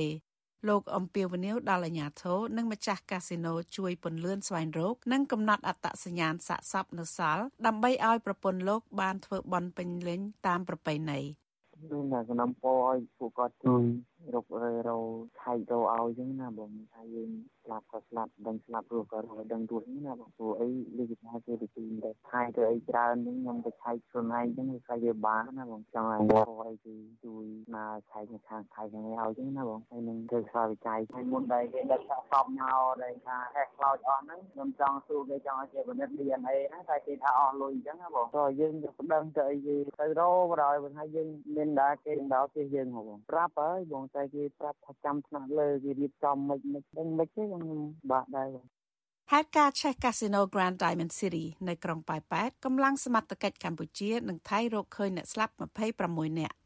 រដ្ឋលេខាធិការអចិន្ត្រៃយ៍ក្រសួងសុខាភិបាលប្រទេសថៃលោកវិជ្ជបណ្ឌិតអូប៉ាគីរីខុនប៉ុងកាលពីថ្ងៃទី8ខែមករាបានបង្ហាញរបាយការណ៍ពីអគិភ័យនៅសន្តាគារ Grand Diamond City និង Casino ប៉ោយប៉ែតថាមានមនុស្សរងរបួសស្រាលជាង100នាក់និងស្លាប់នៅកម្ពុជា25នាក់ហើយស្លាប់នៅមន្ទីរពេទ្យថៃ1នាក់ហើយ19នាក់ជាជនជាតិថៃរបាយការណ៍ដដែលបញ្ជាក់ថាអក្ខរជនរងគ្រោះ ដែលស្ថិតក្រោមការព្យាបាលគឺមានបញ្ហាផ្លូវដង្ហើមរងប៉ះពាល់ពីផ្សែង76%បញ្ហាឆ្អឹង12%និងរលាកភ្លើង12%ជុំវិញរឿងនេះអ្នកនាំពាក្យសមាគមអាត6លោកសង្សានករណា មានប្រសាសន៍ថាអាញាធរគួរមានការប្រស្រ័យតាក់ទងជាមួយគ្រួសារអ្នកបាត់ខ្លួន និងពន្លឿនការធ្វើកសលវិច័យសពដើម្បីឲ្យក្រុមគ្រួសារជនរងគ្រោះនិងសាច់ញាតិអ្នកបាត់ខ្លួនអស់ចិត្ត លោកថាអាញាធរត្រូវឆ្លើយតបជាក់លាក់ណាមួយតាក់ទងអត្តសញ្ញាណជនរងគ្រោះទៅកាន់សាច់ញាតិពួកគាត់ដោយសារពេលវេលាកើតហេតុកន្លងទៅជិត2សប្តាហ៍មកហើយលោកបន្តថាករណីនេះមានអ្នកស្លាប់ជាជនជាតិផ្សេងច្រើនហើយសមត្ថកិច្ចកម្ពុជាគួរយកចិត្តទុកដាក់បង្ហាញសមត្ថភាពស្រាវជ្រាវស៊ើបអង្កេតដើម្បីបង្កើនទំនុកចិត្តដល់ប្រទេសជិតខាងមកកំសាន្តកម្ពុជា បើសិនជាការធ្វើចំណាត់ការនិងវិធានការដែលមិនត្រឹមត្រូវនិងមិនអាចទុកចិត្តបានបែបនេះចង់មិនចង់ក៏ជាផ្នែកមួយនៃការកាត់បន្ថយឬក៏បណ្ដាប្រទេសដែលជាមិត្តអន្តរជាតិទាំងអស់ហ្នឹងអាចគេណែនាំទៅដល់ប្រជាពលរដ្ឋគេមិនឲ្យមកកំសាន្តមកប្រទេសកម្ពុជាយើងវិញដោយសារតែការទទួលខុសត្រូវរបស់យើងមិនបង្ហាញឲ្យគេមានជំនឿនិងទុកចិត្តបាននៅពេលដែលមានអបត្តិហេតុឬក៏គ្រោះថ្នាក់អ្វីមួយកើតឡើងនឹងបាទ គិតមកត្រឹមថ្ងៃទី9មករាអាគីភ័យឆេះកាស៊ីណូនៅក្រុងប៉ោយប៉ែតមានរយៈពេល10ថ្ងៃហើយប៉ុន្តែសាច់ញាតិអ្នកធ្វើការនៅអាគារទាំងនេះមិនទាន់រកឃើញនៅឡើយគ្រួសារជនរងគ្រោះរិះគន់អាជ្ញាធរកម្ពុជាថាធ្វើការយឺតនិងមិនសូវអើពើជួយរកអ្នកដែលបាត់ខ្លួននោះទេនិងឆាប់បិទបញ្ចប់ការរករោគ កន្លងមកបុគ្គលិកមួយចំនួនដែលរស់រានគិតថាការធ្វេសប្រហែសរបស់ក្រុមហ៊ុន ដែលគ្មានប្រព័ន្ធការពារសុវត្ថិភាពនិងការជូនដំណឹងដល់អ្នកនៅក្នុងអាគារហើយការជួយសង្គ្រោះរបស់អាជ្ញាធរមិនទាន់ពេលវេលាទើបបណ្ដាលឲ្យមានមនុស្សស្លាប់ច្រើន សង្គមស៊ីវិលនិងសាច់ញាតិរបស់អ្នកបាត់ខ្លួនទទូចដល់អាជ្ញាធរប្រទេសទាំងពីរភាគីអនុវត្តការងារឲ្យមានប្រសិទ្ធភាព និងពន្លឿនការបញ្ជាក់អត្តសញ្ញាណអ្នកស្លាប់និងអ្នកបាត់ខ្លួនដើម្បីយកទៅធ្វើបន់ពេញលេញតាមប្រពៃណីហើយផ្ដល់យុត្តិធម៌ដល់អ្នកស្លាប់នាងខ្ញុំស្ងួនអមរាវិទ្យុអេស៊ីសរ៉ៃពីរដ្ឋធានី Washington បាទលោកនាយកទីមេត្រីប្រជាកសិករនៅស្រុកស្អាងស្រុកកោះធំខេត្តកណ្ដាលឯនោះវិញ ពួកគេត្អូញត្អែពីតម្លៃដំណាំបន្លែធ្លាក់ចុះខ្លាំងធ្វើឲ្យពួកគាត់ត្រូវខាត់បង់ច្រើននិងខ្វះប្រាក់សងបំណុលធនាគារប្រជាកសិករទាំងនោះបន្តអំពាវនាវអរដ្ឋាភិបាលទប់ស្កាត់ការនាំចូលបន្លែពីប្រទេសវៀតណាមដើម្បីលើកកម្ពស់ផលិតផលក្នុងស្រុកបាទប្រធានាធិបតីវ៉ាស៊ីនតោននៃស្រីសុជីវីរាយការណ៍ព័ត៌មាននេះប្រជាកសិកររាប់ពាន់គ្រួសារដែលប្រកបរបរដាំបន្លែតាមបណ្ដោយទន្លេបាសាក់ស្ថិតនៅក្នុងស្រុកកោះធំនិងស្រុកស្អាង កំពុងបាក់ទឹកចិត្តរឿងតម្លៃដំណាំបន្លែ បន្តធ្លាក់ថ្លៃហើយកសិករខ្លះទៀតបានបោះបង់មុខរបរនេះដោយបង្ខំចិត្តធ្វើចំណាក់ស្រុកដោយសារតែមុខរបរដាំបន្លែលក់មិនអាចធ្វើឲ្យជីវភាពគ្រួសារពួកគាត់បានប្រសើរឡើយពលរដ្ឋរស់នៅភូមិពោលើឃុំត្រើយស្លាស្រុកស្អាងលោកស្រីមឿនវ៉ាន់ប្រាប់វិទ្យុអាស៊ីសេរីកាលពីថ្ងៃទី9ខែមករាថា អ្នកភូមិភៀកច្រើនដាំបន្លែស្ពៃតឿសណ្ដែកគួរ និងសាឡាត់ជាដើម កំពុងប្រឈមការខាត់បងច្រើន នៅពេលប្រមូលផលនៅឆ្នាំនេះលោកស្រីថាស្ពៃតឿតម្លៃ500រៀលនៅក្នុង1គីឡូក្រាមថោកជាងឆ្នាំមុនមុនដែលអាចលក់បានចន្លោះពី2000រៀលទៅ3000រៀលនៅក្នុង1គីឡូក្រាមលោកស្រីបន្ថែមថាបញ្ហានេះធ្វើឲ្យប្រជាកសិករបាក់ទឹកចិត្តក្នុងការដាំដុះបន្លែបែបធម្មជាតិ វាថោកទៅពេកលេងនិយាយចេញវាថោកទៅពេកនិយាយលេងចេញហ្មងឲ្យសម្ដេចជួយមើលជាជនងាប់អស់ហើយអ្នកអ្នកពាក់នាគាចង់គ្រប់ថាបានហើយតែបើឲ្យបន្លែថោកនេះបានអីបងគេនេះកសិករម្នាក់ទៀតរស់នៅភូមិកោះចាស់ឃុំព្រែកស្ដីស្រុកកោះធំលោកណយសុកសង្កេតឃើញថាបន្លែធ្លាក់ថ្លៃខ្លាំងដោយសារតែអាញាធរបណ្ដាច់បណ្ដោយឲ្យនាំចូលបន្លែពីប្រទេសវៀតណាមកាន់តែច្រើនមកលក់នៅក្នុងទីផ្សារក្នុងស្រុក លោកថាបន្លែនាំចូលពីក្រៅប្រទេសថោកជាងបន្លែនៅក្នុងស្រុកហើយឈ្មួញកណ្ដាលតែងតែទម្លាក់តម្លៃបន្លែរបស់កសិករខ្មែរបើបិទគេជាប់អានឹងយើងអាចមានខឹមហើយបើយើងឲ្យតែគេមកណែនណែនដីវាអាចអត់មានខឹមអីអ្នកដាំក៏បានក៏ដាំបានតែមិននឿយវាអត់មានតម្លៃតែគាត់មកហូបមកហូបហើយចៅខ្មែរយើងមិនអត់បាច់ចាំយកពីយួនមកខុសទៅហូបអស់ដែរឲ្យតែខ្មែរផលិតហើយមិនសូវប្រើគីមីទៀតច្រើនតែប្រើអាចគោ វិទ្យុអាស៊ីសេរីមិនអាចសុំការបំភ្លឺរឿងនេះពីអ្នកនាំពាក្យក្រសួងកសិកម្មកញ្ញាអឹមរចនានិងអភិបាលខេត្តកណ្ដាលលោកគង់សុភ័ណ្ឌបានទេ កាលពីថ្ងៃទី9ខែមករាដោយទូរស័ព្ទហៅចូលច្រើនដងតែគ្មានអ្នកលើកប៉ុន្តែប្រធានច្រកព្រំដែនអន្តរជាតិជ្រៃធំខេត្តកណ្ដាលលោកសែឈុនទ្រី បានប្រាប់សារព័ត៌មានក្នុងស្រុកថាកម្ពុជានាំចូលបន្លែចម្រុះពីប្រទេសវៀតណាមតាមច្រកព្រំដែនជ្រៃធំគិតមធ្យមចន្លោះពី20តោនក្នុងមួយថ្ងៃ ដើម្បីផ្គត់ផ្គង់ទីផ្សារនៅកម្ពុជាលោកបញ្ជាក់ថាបន្លែនាំចូលពីប្រទេសវៀតណាមភាគច្រើនគឺបោះដុំលក់នៅខ្មែរតាមបណ្ដាខេត្តនានានិងនៅរាជធានីភ្នំពេញកាលពីឆ្នាំ2021ក្រសួងកសិកម្មបានប្រកាសថា កម្ពុជាចាំបាច់នាំចូលបន្លែពីប្រទេសជិតខាង20%ដើម្បីបំពេញតម្រូវការនៅក្នុងស្រុកព្រោះកម្ពុជា អាចផលិតផ្គត់ផ្គង់ទីផ្សារនៅក្នុងស្រុកបានចន្លោះពី75ទៅ80%នៃតម្រូវការសរុប1លានតោននៅក្នុងមួយឆ្នាំប្រជាកសិករសង្កេតឃើញថាជារៀងរាល់ព្រឹកនៅម៉ោង4ទៀបភ្លឺមានរថយន្តនិងម៉ូតូនាំបន្លែចម្រុះផ្លែឈើត្រីសាច់ពីប្រទេសវៀតណាមចូលមកលក់តាមបណ្ដាស្រុកជាប់ព្រំដែននៅក្នុងខេត្តកណ្ដាលនិងធ្លាយទៅដល់រាជធានីភ្នំពេញមកផ្គត់ផ្គង់នៅផ្សារដើមកនិងផ្សារផ្សេងផ្សេងមួយចំនួនទៀត កសិករលក់បន្លែនៅផ្សារដើមកអះអាងថាបន្លែដែលតាំងលក់នៅផ្សារដើមករួមមានត្រសក់ល្ពៅសណ្ដែកម្រះត្រកួននិងស្ពៃក្តោបជាដើមភ ieck ច្រើននាំចូលពីប្រទេសវៀតណាមព្រោះបន្លែទាំងនេះថោកជាងបន្លែនៅក្នុងស្រុកហើយម្យ៉ាងទៀតម្ចាស់ភោជនីយដ្ឋាន និងអាហារដ្ឋាននានានៅក្នុងរាជធានីភ្នំពេញតែងតែបញ្ជាទិញបន្លែដែលនាំចូលពីប្រទេសវៀតណាមទៅធ្វើម្ហូបលក់ អ្នកទិញបន្លែពីកសិករយកទៅលក់បន្តគឺលោកស្រីសែមសុផលសង្កេតឃើញថាតម្លៃបន្លែឡើងចុះដោយផ្អែកទៅតាមបរិមាណដែលកសិករប្រមូលបានតាមរដូវលោកស្រីបញ្ជាក់ថាបើបន្លែណាសម្បូរច្រើនតម្លៃនឹងធ្លាក់ចុះខ្លាំងពេលខ្លះលក់មិនសូវដាច់ហើយនៅពេលដែលបន្លែខ្សត់តម្លៃបែរជាកើនឡើងសូមឲ្យរដ្ឋាភិបាលជួយជួយចុះមើលហ្មងជួយចុះមើលប្រជាពលរដ្ឋតាមផ្សារតាមអីទាំងអស់ហ្នឹង តាមការតាមអ្នកដាំបន្លែដាំអីហ្នឹងឲ្យជួយមើលដែរបន្លែណាត្រូវឲ្យគាត់ដាំទៅបានចំណេញបានអីច្រើនអញ្ចឹងឲ្យជួយណែនាំអញ្ចឹងណែនាំប្រជាពលរដ្ឋឲ្យធ្វើឲ្យធ្វើបានចំណេញបានចំណូលគ្រាន់ចាំកូនចាំចៅឲ្យរៀនចិត្តដឹងអស់គ្នាកុំឲ្យងឹតងងតាំងពីម៉ែដល់កូនដល់ចៅទៀតជុំវិញរឿងនេះប្រធានមជ្ឈមណ្ឌលអប់រំប្រជាពលរដ្ឋដើម្បីអភិវឌ្ឍនិងសន្តិភាពលោកយងកំឯងសង្កេតឃើញថា បន្លែនាំចូលពីក្រៅប្រទេសថោកជាងបន្លែក្នុងស្រុកដោយសារតែបន្លែនាំចូលចំណាយថ្លៃដើមតិចកម្លាំងពលកម្មតិចនិងដាំដុះមានរយៈពេលខ្លីលោកយល់ថារដ្ឋាភិបាលគួរតែរកមធ្យោបាយដោះស្រាយរឿងនេះដើម្បីជួយកសិករឲ្យមានជីវភាពធូរធារប្រឌិតមើលដែរថាបើសិនជាបន្លែនាំចូលពីក្រៅវាចេញ ពោពាសពេកបាទយើងអាចបង្អង់ដែរដើម្បីទុកលទ្ធភាពឲ្យអ្នកដែលផលិតក្នុងស្រុកនោះគ្នាមានដង្ហើមរស់ដែរនេះជារឿងមួយសំខាន់ប៉ុន្តែបើសិនយើងថាយើងបើកចំហជាអតិបរមាជារៀងរហូត បាទអាហ្នឹងគឺជាបញ្ហាដែរកាលពីចុងឆ្នាំ2022របាយការណ៍របស់ក្រសួងកសិកម្មបង្ហាញថាកម្ពុជាបាននាំចូលបន្លែជិត2500តោននៅក្នុងមួយថ្ងៃមួយថ្ងៃ ដោយសារតែផលិតកម្មដំណាំបន្លែនៅក្នុងស្រុកមានបញ្ហាប្រឈមច្រើនមិនអាចផ្គត់ផ្គង់តម្រូវការនៅក្នុងប្រទេសបានគ្រប់គ្រាន់ក្រសួងថាការនាំបន្លែពីក្រៅប្រទេសដោយសារតែកម្ពុជាមានបញ្ហាបច្ចេកទេសដាំដុះសម្ភារៈកសិកម្មថ្លៃនិងគ្រោះធម្មជាតិទើបវិស័យឯកជន បាននាំចូលបន្លែពីក្រៅស្រុកបន្ថែមទៀតដើម្បីមកបំពេញតម្រូវការនាងខ្ញុំសុជីវី With you Azizi Serai ពីរដ្ឋធានី Washington បាទលោកទីមួយត្រីតតងនឹងរឿងរ៉ាវអធិបុលចិននៅកម្ពុជាវិញក្រុមអ្នកជំនាញកិច្ចការអន្តរជាតិមើលឃើញថាឆ្នាំ2022គឺជាឆ្នាំមួយដែលសាធារណរដ្ឋប្រជាមានិតចិនបានបង្កើនសកម្មភាពពង្រីកអធិបុលមកលើកម្ពុជាលើគ្រប់វិស័យគួរឲ្យកត់សម្គាល់រាប់ចាប់ពីវិស័យសេដ្ឋកិច្ចនយោបាយយោធាការពារជាតិនិងវិស័យអប់រំជាដើម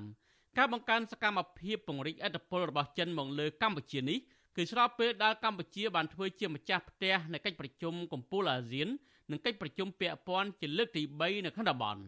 តើចិនបានបង្កើនសកម្មភាពពង្រីកអធិបុលយ៉ាងណាខ្លះមកលើកម្ពុជាក្នុងឆ្នាំ2022ដែលទើបនឹងផុតកន្លងទៅនេះ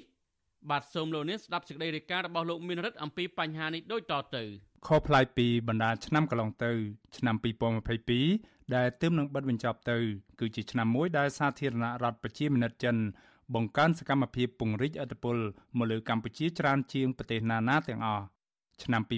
2022គឺជាឆ្នាំដែលកម្ពុជា អនុញ្ញាតឲ្យចិនអភិវឌ្ឍកំពង់ផែកងទ័ពជើងទឹករៀមឆ្នាំ2022ក៏ជាឆ្នាំដែលកិច្ចព្រមព្រៀងពាណិជ្ជកម្មសេរីរវាងកម្ពុជានិងចិនហៅកាត់ថា CCFTA និងកិច្ចព្រមព្រៀងភាពជាដៃគូសេដ្ឋកិច្ចគ្រប់ជ្រុងជ្រោយក្នុងតំបន់ហៅកាត់ថា ASEP ដ៏ធំមិនធ្លាប់មានពីមុនមកនៅលើពិភពលោកដែលផ្ដួចផ្ដើមដោយចិនត្រូវចូលជាធរមានអ្នកជំនាញវិជាសាស្ត្រនយោបាយនិងកិច្ចការអន្តរជាតិ លោកអែមសវណ្ណារាមើលឃើញថាចិនកំពុងឈានមុខគេ នៅក្នុងវិស័យទំនាក់ទំនងពាណិជ្ជកម្មជាមួយកម្ពុជាអញ្ចឹងចិនដើរលឿនមុនប្រទេសដទៃទៀតទាំងអស់ទាំងនៅក្នុងប្លុកខាងកើតចិនជប៉ុនកូរ៉េត្បូងគឺចិនដើរមុនគេទាំងអស់ហើយជប៉ុនទៅឆ្នាំ2023នេះទៅសន្យាគ្នាថាជំរុញទៅដៃគូយុទ្ធសាស្ត្រ គ្រប់ជ្រុងជ្រោយទេអញ្ចឹងបានន័យថាចិនដើរជំហានមុនបណ្ដាលោកខាងកើតទាំងអស់នៅក្នុងប្លុកនេះយើងផ្ដោតសំខាន់ទៅលើ3ប្រទេសហ្នឹងចិនក្រែងត្បូងហើយជប៉ុនហើយលោកខាងលិចហ្នឹងគឺយើងកុំបាញ់និយាយនៅយឺតជាងលោកខាងកើតឆ្ងាយទៅក្នុងកម្រិតតំណែងតំណងជាមួយនឹងកម្ពុជាណាអ្នកជំនាញរូបនេះថាក្រៅពីវិស័យពាណិជ្ជកម្មចរន្តនៃការពង្រីកអធិបតេយ្យរបស់ចិនមកលើវិស័យហេដ្ឋារចនាសម្ព័ន្ធនិងវិស័យយោធាក៏ចិនទំនងជាដើរលឿនជាងប្រទេសដទៃទៀតនៅកម្ពុជាដែរ ជាក់ស្ដែងដូចជាការសាងសង់ពលានយន្តហោះនៅតំបន់តារាសាគរនៅក្នុងខេត្តកោះកុងការអភិវឌ្ឍកំពង់ផែរៀមដ៏ចម្រូងចម្រាសដែលរងនឹងការចាត់ប្រកាន់ពីសហរដ្ឋអាមេរិកនិងការសាងសង់ផ្លូវលបឿនលឿនពីភ្នំពេញទៅក្រុងព្រះសីហនុជាដើមនៅក្រោយឆ្នាំ2017ហ្នឹងក្រោយពីមានការលុបចោលនៅសម្យុទ្ធយោធាជាមួយសហរដ្ឋអាមេរិក ឆ្នាំមង្គលជាមួយអូស្ត្រាលីគូព្រៃជាដើមតែសូមយុទ្ធយោធាជាមួយចិននេះនេះអីហ្នឹងអត់មានអីប្រែប្រួលប្រមាណទេហើយនៅតែជំរុញនៅតែមានវត្តមានហើយយើងឃើញមានការទិញកភ្លើងមកកាថាសហប្រតិបត្តិការផ្នែកយោធាហ្នឹងក៏មានទិញកភ្លើងផ្លោងអីពីចិនទៀតណា ខុសពីសហរដ្ឋអាមេរិកដែលនៅក្នុង embargo សម្ភារៈយោធាចូលមកកម្ពុជាអញ្ចឹងកិច្ចសហប្រតិបត្តិការលោកខាងលិចហើយលោកខាងកើតនឹងឃើញហាក់ដើរជាបើយើងនិយាយពីការរីកចម្រើនវាទៅច្រាស់គ្នាបន្តិចថយក៏ប៉ុន្តែនេះយើងគាត់និយាយថាពីចរន្តមិនមែនថាគិតវិជ្ជមាននៅក្នុងការអភិវឌ្ឍឬក៏ប្រសិទ្ធភាពនៃការប្រើប្រាស់វិស័យការពារជាតិឬក៏ការកសាងហេដ្ឋារចនាសម្ព័ន្ធ ស្រដៀងគ្នាទៅនឹងការវិតម្លៃនេះសម្រាប់សហស្ថាបនិកវិទ្យាស្ថានប្រជាធិបតេយ្យកម្ពុជាបណ្ឌិតរវណ្ណៈវិញលោកមើលឃើញថាទំនាក់ទំនងមិត្តដៃថែបកាន់តែសិលមួតរវាងកម្ពុជានិងចិន កំពុងធ្វើឲ្យកម្ពុជា ធ្លាក់ចូលក្នុងអន្ទាក់ពឹងផ្អែកចិន ជាក្នុងបង្អែកទាំងវិស័យសេដ្ឋកិច្ចនិងវិស័យនយោបាយខ្លាំងជាងពេលណាណាទាំងអស់ហើ យយើងមើលឃើញថាកម្ពុជាគឺពិតជាត្រូវការចិនជាចាំបាច់ជាពិសេសគឺបកកណ្ដាលរដ្ឋាភិបាលសប្តាហ៍ថ្ងៃហ្នឹងគឺត្រូវការបង្អែកចិនជាខ្លាំងដោយសារតែឥទ្ធិពលរបស់ចិនមិនត្រឹមតែជាឥទ្ធិពលនៃទំហំលុយសេដ្ឋកិច្ចដើម្បីគ្រប់គ្រងទៅលើគេហៅថាផ្ដល់ជាពាណិជ្ជកម្មឬសេដ្ឋកិច្ចសម្រាប់ទ្រទ្រង់កម្ពុជាទៅលើការកសាងឯថារចនាសម្ព័ន្ធនិងការទប់ស្កាត់ពីការគៀបសង្កត់របស់លោកខាងលិចគឺទោះបីជាមានការពំលានដកប្រព័ន្ធអនុគ្រោះពន្ធ EVA ក៏ដោយក៏មិនសូវជាមានឥទ្ធិពលសកម្មភាពមកលើរ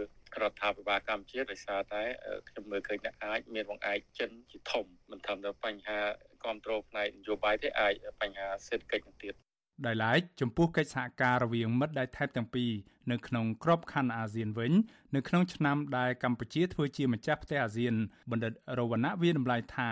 បើទោះបីជាសម្រាប់អាណត្តិនេះកម្ពុជាមិនបានធ្វើជាកូនអុករបស់ចិនក៏ដោយក៏របៀបវិរៈដែលកម្ពុជាដាក់បញ្ចូលទៅក្នុងកិច្ចប្រជុំអាស៊ាន គឺស្របទៅនឹងផលប្រយោជន៍ដែលចិនចង់បាននៅក្នុងឆ្នាំ2022នេះប្រធានបដូវវេនអាស៊ានលោកហ៊ុនសានបានព្យាយាមជួយឡងសេឲ្យចិនដោយជំរុញឲ្យតំបន់អាស៊ានទាំងមូលបង្កើនទំនាក់ទំនងជាមួយនឹងចិនកាន់តែស៊ីជម្រៅថែមទៀតលោកបានប្រើប្រាស់ក្រុមហ៊ុននៅកម្ពុជា មានប្រភពចេញមកពីក្រុមហ៊ុនចិនឲ្យជួយផលិតនីលកាដៃអាស៊ានប្រណិតចំនួន25គ្រឿងដែលមានតម្លៃសរុបប្រមាណកន្លះលានដុល្លារសម្រាប់ទុកចែកជូនជាវត្ថុអនុស្សាវរីយ៍ដល់ក្រុមមេដឹកនាំពិភពលោក នៅរៀងរាល់ពេលដែលកម្ពុជារៀបចំកិច្ចប្រជុំអាស៊ាន និងកិច្ចប្រជុំពាក់ព័ន្ធសំខាន់សំខាន់ក្នុងឆ្នាំ2022ចិនតែងតែជ្រើសរើសយកពេលវេលានៅមុនពេលកិច្ចប្រជុំទាំងនោះប្រជែងប្រទេសដទៃទៀតបង្ហាញពីសមិទ្ធផលនិងឥទ្ធិពលរបស់ខ្លួននៅកម្ពុជាជាក់ស្ដែងដំណើរទស្សនកិច្ចផ្លូវការរបស់នាយករដ្ឋមន្ត្រីចិនលោកលីខឺឈៀងរយៈពេល2ថ្ងៃមុនពេលកិច្ចប្រជុំកំពូលអាស៊ាន កាលពីពាក់កណ្ដាលខែវិច្ឆិកាជាឧទាហរណ៍កាលនោះចិននិងកម្ពុជា បានចុះហត្ថលេខាលើឯកសារកិច្ចព្រមព្រៀងឬ MOU ចំនួន18ក្នុងនោះក៏រួមមានទាំងការតម្រូវឲ្យក្រសួងអប់រំកម្ពុជា ដាក់បញ្ចូលកម្មវិធីរៀនភាសាចិន នៅតាមគ្រឹះស្ថានមធ្យមសិក្សារដ្ឋចាប់ពីថ្នាក់ទី7រហូតដល់ថ្នាក់ទី12កម្ពុជានិងចិនបានបង្កើតទំនាក់ទំនងការទូតជាផ្លូវការកាលពីឆ្នាំ1958បច្ចុប្បន្នទំនាក់ទំនងរវាងប្រទេសទាំងពីរ បានឈានដល់កម្រិតកិច្ចសហប្រតិបត្តិការភាពជាដៃគូយុទ្ធសាស្ត្រគ្រប់ជ្រុងជ្រោយក្រៅពីវិស័យពាណិជ្ជកម្មសេដ្ឋកិច្ចនយោបាយកសិកម្មសន្តិសុខការពារជាតិនិងវិស័យការទូតភាគីទាំងពីរក៏បានជំរុញកិច្ចសហប្រតិបត្តិការលើវិស័យវិទ្យាសាស្ត្រអប់រំវប្បធម៌ទេសចរសុខាភិបាល និងឈានរហូតដល់ទៅកិច្ចសហប្រតិបត្តិការថ្នាក់មូលដ្ឋានទៀតផង។ រីឯគម្រោងសាងសង់ហេដ្ឋារចនាសម្ព័ន្ធភាគច្រើនរបស់ចិននៅកម្ពុជាវិញ ដែលត្រូវបានលោកនាយរដ្ឋមន្ត្រីហ៊ុនសែន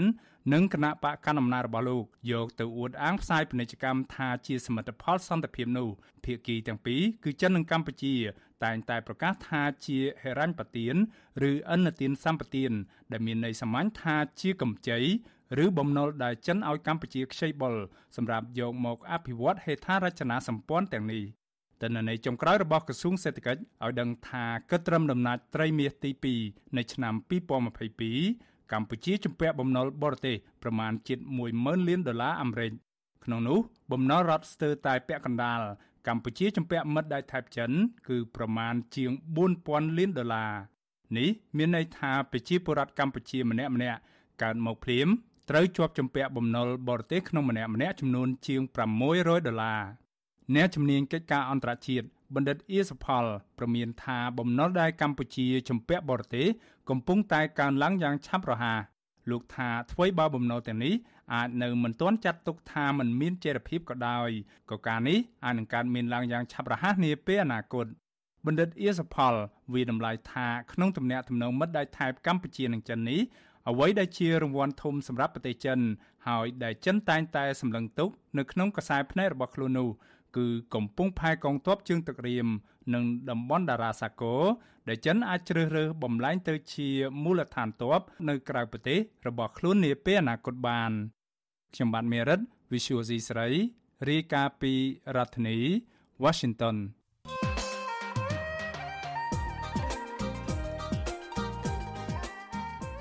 បាឡូណានីងកញ្ញាប្រិមម្នាក់ស្ដាប់ជាទីមេត្រី សាធារណរដ្ឋប្រជាមានិតចិន បានប្រជែងបង្កើនឥទ្ធិពលមកលើកម្ពុជាលើគ្រប់វិស័យគួរឲ្យកត់សម្គាល់ក្នុងឆ្នាំ2022កន្លងទៅស្របពេលដែលកម្ពុជាធ្វើជាប្រធានបដូវវេនអាស៊ាន ជាក់ស្ដែងក្រៅពីវិស័យនយោបាយនិងសេដ្ឋកិច្ចប្រទេសនេះបានពង្រីកឥទ្ធិពលមកលើវិស័យយោធាឬការពារជាតិនិងវិស័យអប់រំតាមរយៈសកម្មភាពលេចធ្លោមួយចំនួន ក្នុងនោះមានដូចជាការចេញមុខជួយកម្ពុជា ធ្វើទំនើបកម្មកំពង់ផែកងទ័ពជើងទឹករៀមដ៏ចម្រូងចម្រាសនិងការតម្រូវឲ្យក្រសួងអប់រំដាក់បញ្ចូលកម្មវិធីរៀនភាសាចិន សម្រាប់សិស្សចាប់ពីថ្នាក់ទី7ដល់ថ្នាក់ទី12ជាដើមតើចិនបានសម្រេចមហិច្ឆតាពង្រីកឥទ្ធិពលរបស់ខ្លួននៅកម្ពុជាយ៉ាងណាខ្លះនៅក្នុងឆ្នាំ2022កន្លងទៅនិងថាតើសាធារណរដ្ឋប្រជាមានិតចិន មានមហិច្ឆតាយ៉ាងណាខ្លះទៀតមកលើកម្ពុជា ក្នុងឆ្នាំ2023នេះ បាទនេះគឺជាប្រធានបទដែលយើងនឹងលើកយកមកជជែកពិភាក្សានៅក្នុងនេតិវេទិកាអ្នកស្ដាប់ Visual C សេរីនៅយប់ថ្ងៃអង្គារទី10ខែមករាប៉ះសិនបលូននាងចាប់អារម្មណ៍ចង់ចូលរួមដាក់ជាសំណួរឬបញ្ចេញមតិយោបល់សូមអញ្ជើញលោកនាងដាក់ឈ្មោះនិងលេខទូរស័ព្ទរបស់លោកនាងនៅក្នុងប្រអប់ខ្ទង់ comment នៃការផ្សាយផ្ទាល់របស់ Visual C សេរីនៅលើបណ្ដាញសង្គម Facebook និង YouTube នៅក្នុងកម្មវិធីផ្សាយផ្ទាល់របស់យើងនាពេលនោះ។ ក្រុមការងាររបស់យើងនឹងតាក់ទងទៅលោកអ្នកនាង ដើម្បីចូលរួមដាក់ជាសំណួរនិងបញ្ចេញមតិនៅក្នុងនេតិវេទិកាអ្នកស្ដាប់ Visual C សេរីបាទសូមអរគុណ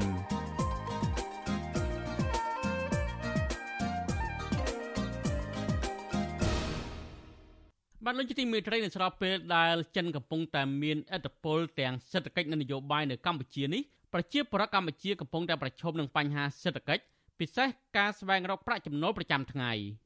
ក្រុមកម្មករដែលកំពុងតែធ្វើការក្នុងសិប្បកម្មលអិតនៅភូមិក្អមឃុំរស័យជ្រោយស្រុកមុខកំពូលខេត្តកណ្ដាលត្អូញត្អែអំពីបញ្ហាជីវភាពខ្វះខាតដោយសារតែខ្វះការងារធ្វើ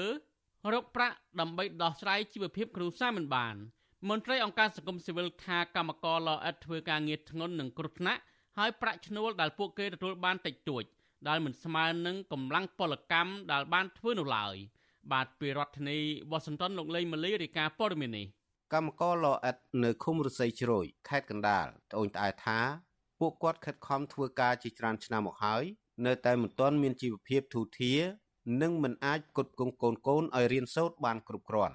កម្មការនីម្នាក់មកពីខេត្តស្វាយរៀងនិងកំពុងធ្វើការនៅការដ្ឋានលអិតខេត្តកណ្ដាលលោកស្រីហ៊ីសាមៀនរៀបរាប់ថាលោកស្រីធ្វើការប្រឈមនឹងគ្រោះថ្នាក់ដូចជាប៉ះចំចំហាយក្តៅខ្លាំង ធូលីហុយពិបាកដកដង្ហើម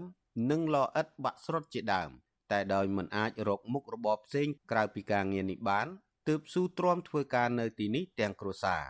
លោកស្រីបន្តថាលោកស្រីនិងប្តីរបស់លោកស្រីត្រូវប្រឹងធ្វើការចិញ្ចឹមកូន2នាក់និងក្មួយម្នាក់ដែលកំពុងរៀននៅថ្នាក់វិទ្យាល័យលោកស្រីបញ្ជាក់ថាទោះបីលោកស្រីខំធ្វើការយ៉ាងណាក៏ដោយក៏ជីវភាពនៅតែខ្វះខាត ព្រោះប្រាក់ចំណូលតិចមួយថ្ងៃបានជាង10000រៀលមិនគ្រប់បង់ថ្លៃសាលាឲ្យកូន និងចាយវាយប្រចាំថ្ងៃនោះទេ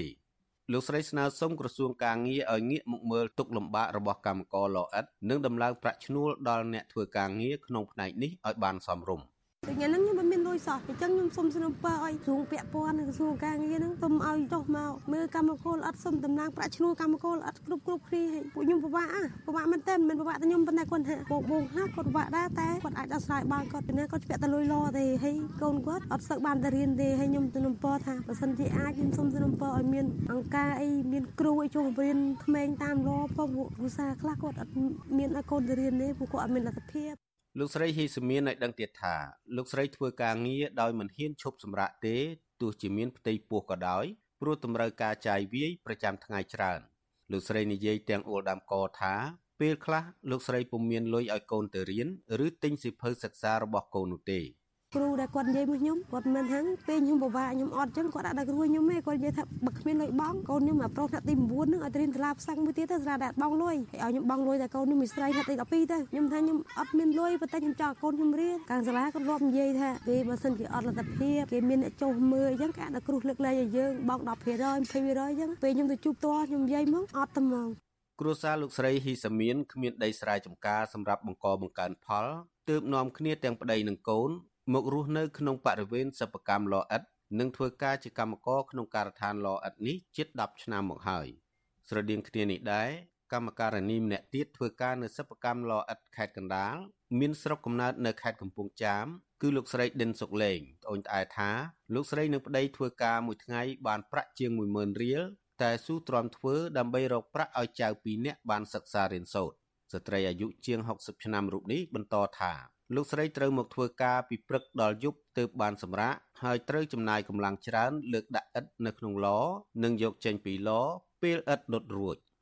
អូយមិនគ្រប់គ្រាន់ទេគ្រូអើយសួរតើមានទៅដឹងហើយគ្មានខ្វះផឹកខ្វះល្ងាចអមិនថាកម្មកោលោកអត់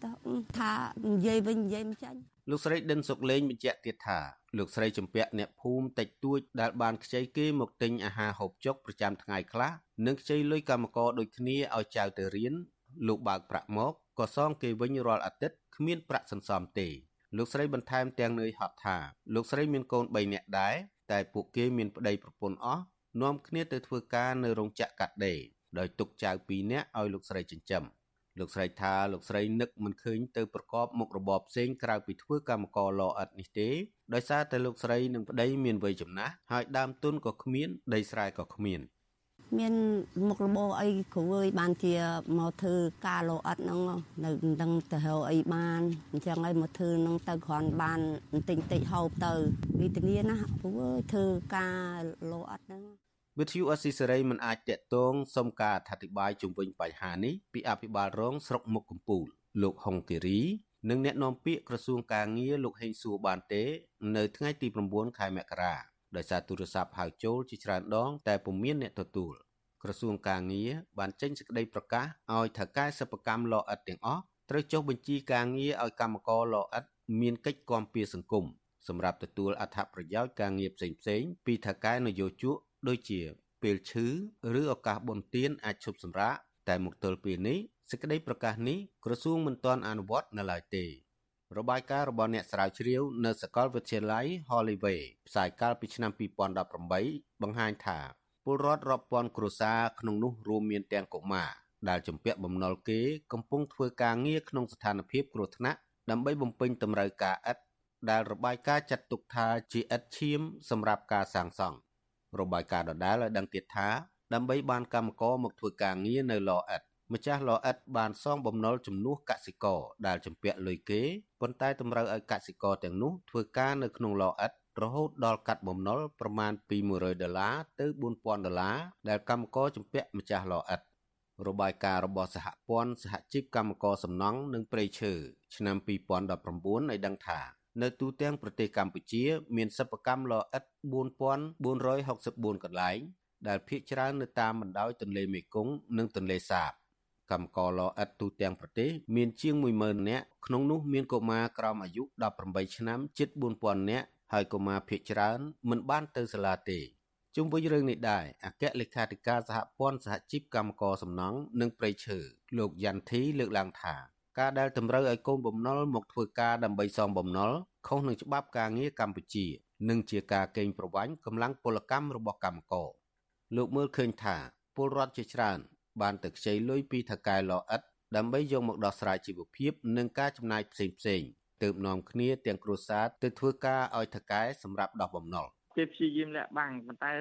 រូបភាពនិងការអនុវត្តជាក់ស្ដែងគឺមានពិតគឺតកតងនឹងការគម្រាមកំហែងអញ្ចឹងគាត់អាចធ្វើការងារបានទេសូម្បីតែពេលបនធានភ្ជុំឬក៏ចូលឆ្នាំក៏គាត់អាចទៅផ្ទះបានដែរបើទៅទៅលេងស្រុកកំណើតត្រូវមានអ្នកនៅដូចប្រចាំចឹងមានន័យថាបើទៅមកគ្រួសារគាត់មាន5នាក់គាត់ត្រូវទៅបានតែ3នាក់ឬក៏4នាក់មានម្នាក់ឬ2នាក់ដើម្បីនៅក្នុងសិប្បកម្មនឹងដោយតកែគាត់ខ្លាចទៅហើយមិនត្រឡប់មកវិញមិនមកសងលុយមិនមកធ្វើការវិញចឹងមន្ត្រីសង្គមស៊ីវិលរូបនេះឲ្យដឹងទៀតថាការដោះបំណុលរបៀបនេះអាចคล้ายជាទេសកលសម័យទំនើបហើយការសងបំណុលនេះធ្លាក់ទៅដល់កូនបន្តទៀតដែលមិនអាចមានថ្ងៃសងរួច អង្គការសង្គមស៊ីវិលធ្លាប់លើកឡើងដល់រដ្ឋាភិបាលឲ្យយកចិត្តទុកដាក់លើកម្មករលអិតនិងកម្មករសំណង់ដោយផ្ដល់កិច្ចគាំពារផ្នែកសង្គមដល់ពួកគេឲ្យដូចជាកម្មករក្នុងវិស័យដទៃទៀតប៉ុន្តែពួកគេសង្កេតឃើញថារដ្ឋាភិបាលហាក់នៅតែមើលរំលងទុកលំបាករបស់កម្មករទាំងនោះដដែល ខ្ញុំបាទលេងម៉ាលីវិទ្យុអស៊ីសេរីពីរដ្ឋធានី Washington បាទលោកនាងជាទីមេត្រីការផ្សាយរយៈពេល1ម៉ោងនៃវិទ្យុអាស៊ីសេរីជាភាសាខ្មែរនៅពេលនេះចប់តែប៉ុណ្ណេះយើងខ្ញុំសូមជូនពរដល់លោកនាងព្រមទាំងក្រុមគ្រួសារទាំងអស់ឲ្យជួបប្រកបតែនឹងសេចក្តីសុខចម្រើនរុងរឿងកំបីគ្លៀងគ្លេតឡើយខ្ញុំបាទទីនសាករិយាព្រមទាំងក្រុមការងារទាំងអស់នៃវិទ្យុអាស៊ីសេរីសូមអរគុណនិងសូមជម្រាបលា